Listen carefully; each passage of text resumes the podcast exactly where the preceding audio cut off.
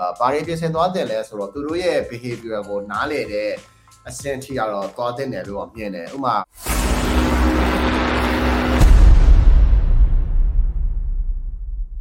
င်ကာပူကိုတဲ့ content writer profession တွေနဲ့သွားချင်တယ်ဗျာတဲ့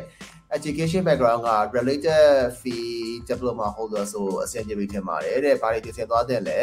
အာအခု magazine တွေ blog တွေ case study တွေဖတ်ပြီး out of local ကို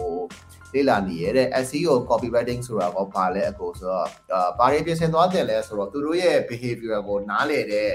အဆင့်ထိကတော့သွားတဲ့တယ်လို့မြင်တယ်ဥပမာစင်ကာပူ slang တွေရှိတယ်စင်ကာပူသွားကျင်တယ်ဆိုလို့ရှိရင်ပေါ့နော်စင်ကာပူမှာဆိုလို့ရှိရင် Singlish နဲ့သူတို့ပြောကြတဲ့ခါရှိတယ်ဥပမာ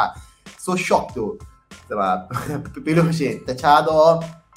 slang တွေရှိတယ်ကျွန်တော်လည်းစင်ကာပူမှာ content writer အနေနဲ့မလုပ်ဘူးကြတော့ကျွန်တော်လည်းအတိအကျတော့မပြောတတ်ဘူးဒါပေမဲ့ဟို senior တယောက်အနေနဲ့ကတော့အကြံပေးပေးချင်တာကတော့သူတို့ရဲ့ behavior ကိုနားလည်အောင်သင်ပါဟိုစင်ကာပူတွေဒီဘယ်လိုမျိုးစကားပြောလို့ရှိရလဲ အဲဘယ်လိုမျိုး platform တွေကိုလိုက်ဖတ်လို့ရှိရတယ်သူတို့ရဲ့ buying journey တွေကဘယ်လိုမျိုးရှိရလဲဆိုတော့ပုံစံမျိုးလေးကိုတော့အရင်ဆုံး learning လုပ်ပါအာ yeah ဆိုတော့အဲ့ဒီဟာမျိုးဆိုလို့ရှိရင်တော့ကျွန်တော်တို့ပထမဆုံးအဆင်ပြေတယ်ပြီးတော့ဟို SEO copywriting ဆိုတာဘာလဲဆိုတော့ကျတော့ SEO copywriting ကဟိုဒါကျွန်တော်သိသလောက်ပေါ့နော် SEO copywriting က content writing ကဘာပြောလဲဆိုတော့သူတို့ရဲ့ keyword တွေတွေကိုအာ ပါဆိုတော့ကျွန်တော်ကဗျာကျွန်တော်တို့ marketing ကြောင်းရေးရမယ် right ကျွန်တော်တို့ digital marketing ကြောင်းရေးရမယ်ဆိုလို့ရှိရင်လူတွေရဲ့ digital marketing ဆိုပြီးတော့ရှာလေးရှိရလားမြန်မာပြည်မှာဒါမှမဟုတ် Facebook ဆိုပြီးတော့ Facebook marketing ဆိုပြီးရှာလေးရှိရလားအဲ့တော့ Facebook marketing ဆိုပြီးရှာလေးရှိရဆိုလို့ရှိရင်တောင်မှကျွန်တော်တို့ Facebook ရဲ့အာအကြောင်းအရာတွေကို detail ဖြစ်နိုင်တဲ့လောက်ဖြစ်အောင်ကိုယ့်ရဲ့ခေါင်းစဉ်နဲ့လိုက်ပြီးတော့ detail ဖြစ်နိုင်တဲ့လောက်ဖြစ်အောင်ပြီးလို့ရှိရင် Facebook ဆိုရဲ အဲ Facebook လို့အမှမဟုတ်ဘဲနဲ့အဲ့ဒီမှာ Facebook marketing in Myanmar ဆိုတဲ့ long tail keyword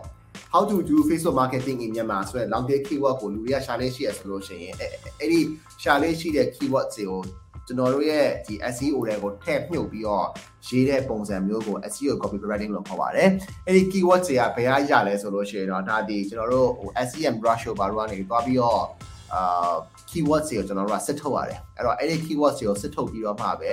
အဲကျွန်တော်ဒီဘက်ကနေအာအဲ့ keywords တွေ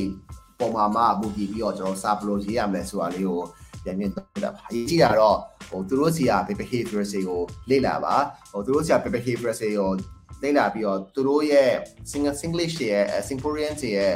အဲပုံပုံစံမျိုးတွေကိုသိရဆိုလို့ရှိရင်တော့ကိုယ်အနေနဲ့သွားလို့ဖို့ကပုံပြောလွတ်နေမယ်လို့မြင်တယ်ပြီးတော့နောက်တစ်ခုကကိုယ့်ရဲ့အနီးနားပတ်ပတ်ဝန်းကျင်မှာ